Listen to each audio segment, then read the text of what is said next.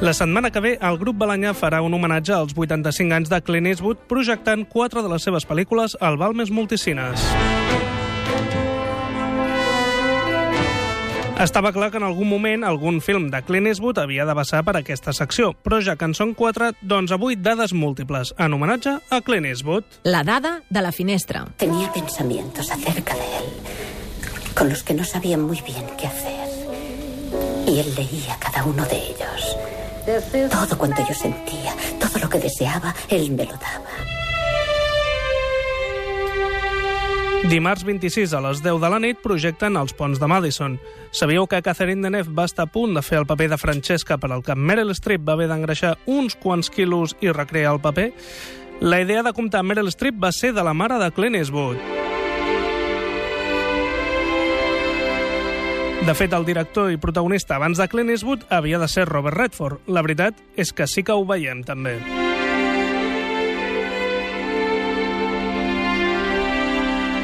El pont Cedar, on la Francesca coneix el Robert, va cremar-se el 3 de setembre del 2002 i el 6 d'octubre del 2003 la casa de Francesca també va cremar-se en un altre incendi.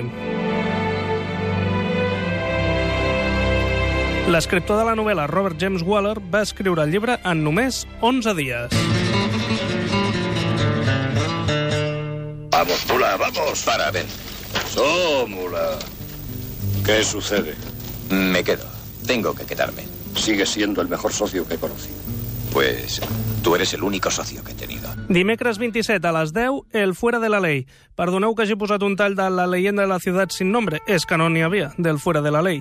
Però més o menys cola, no? Sabíeu que Clint Eastwood considera el Fuera de la Ley la seva millor pel·lícula? És una pel·lícula idolatrada pels natius americans per no donar una imatge estereotipada dels indis. Va ser la primera de les sis pel·lícules que va rodar amb la seva parella d'aquell moment, Sondra Locke. La llegenda diu que és la història de Thomas Atticus Hawkins, un granger de Maris County, a Missouri.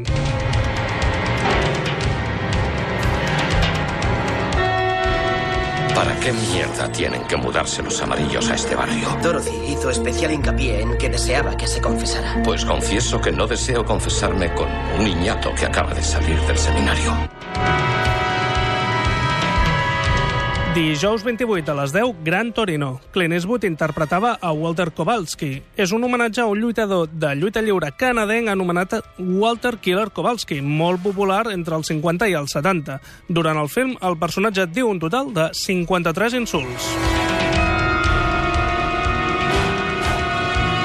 Durant molt de temps va existir el rumor que era la cinquena entrega de la saga Harry el Sucio. Tot i que sempre es parla de Detroit, en qüestions automobilístiques, el Gran Torino es construïen a Lorraine, Ohio, a dues hores de Detroit. El film arrenca i acaba amb un funeral. Clint Eastwood no arriba mai a conduir el seu Gran Torino i només dispara una arma una vegada i per accident. És l'únic film on hem vist a Clint Eastwood morir en pantalla. Sento el mega spoiler. Enseñaré cómo lo hacen los SEALs. Dirigiré la unidad desde abajo. No podemos hacer eso. Necesitamos protección desde arriba. Vamos, si estoy en la calle, Mark. Oye, podría- ir casa por casa es lo más peligroso que hacemos aquí. ¿Tienes complejo de Salvador? Solo quiero pillar a los malos, pero si no los veo, no puedo dispararles. I finalment, divendres 29 a les 10, El francotirador. Curiosament, el film més exitós de la carrera de Clint Eastwood ha estat aquesta, la seva última pel·lícula.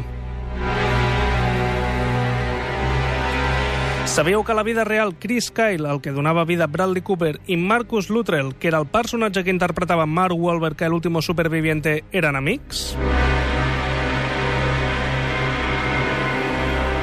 Sabíeu que Chris Kyle havia expressat públicament que si algun dia es feia una pel·lícula sobre ell, havia de dirigir-la Clint Eastwood i ningú més?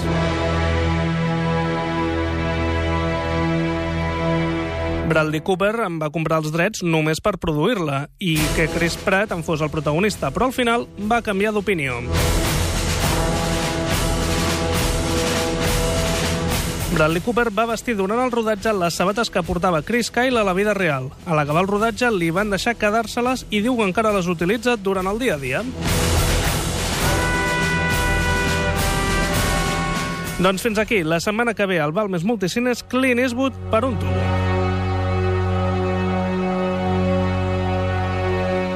La finestra indiscreta a Catalunya Ràdio.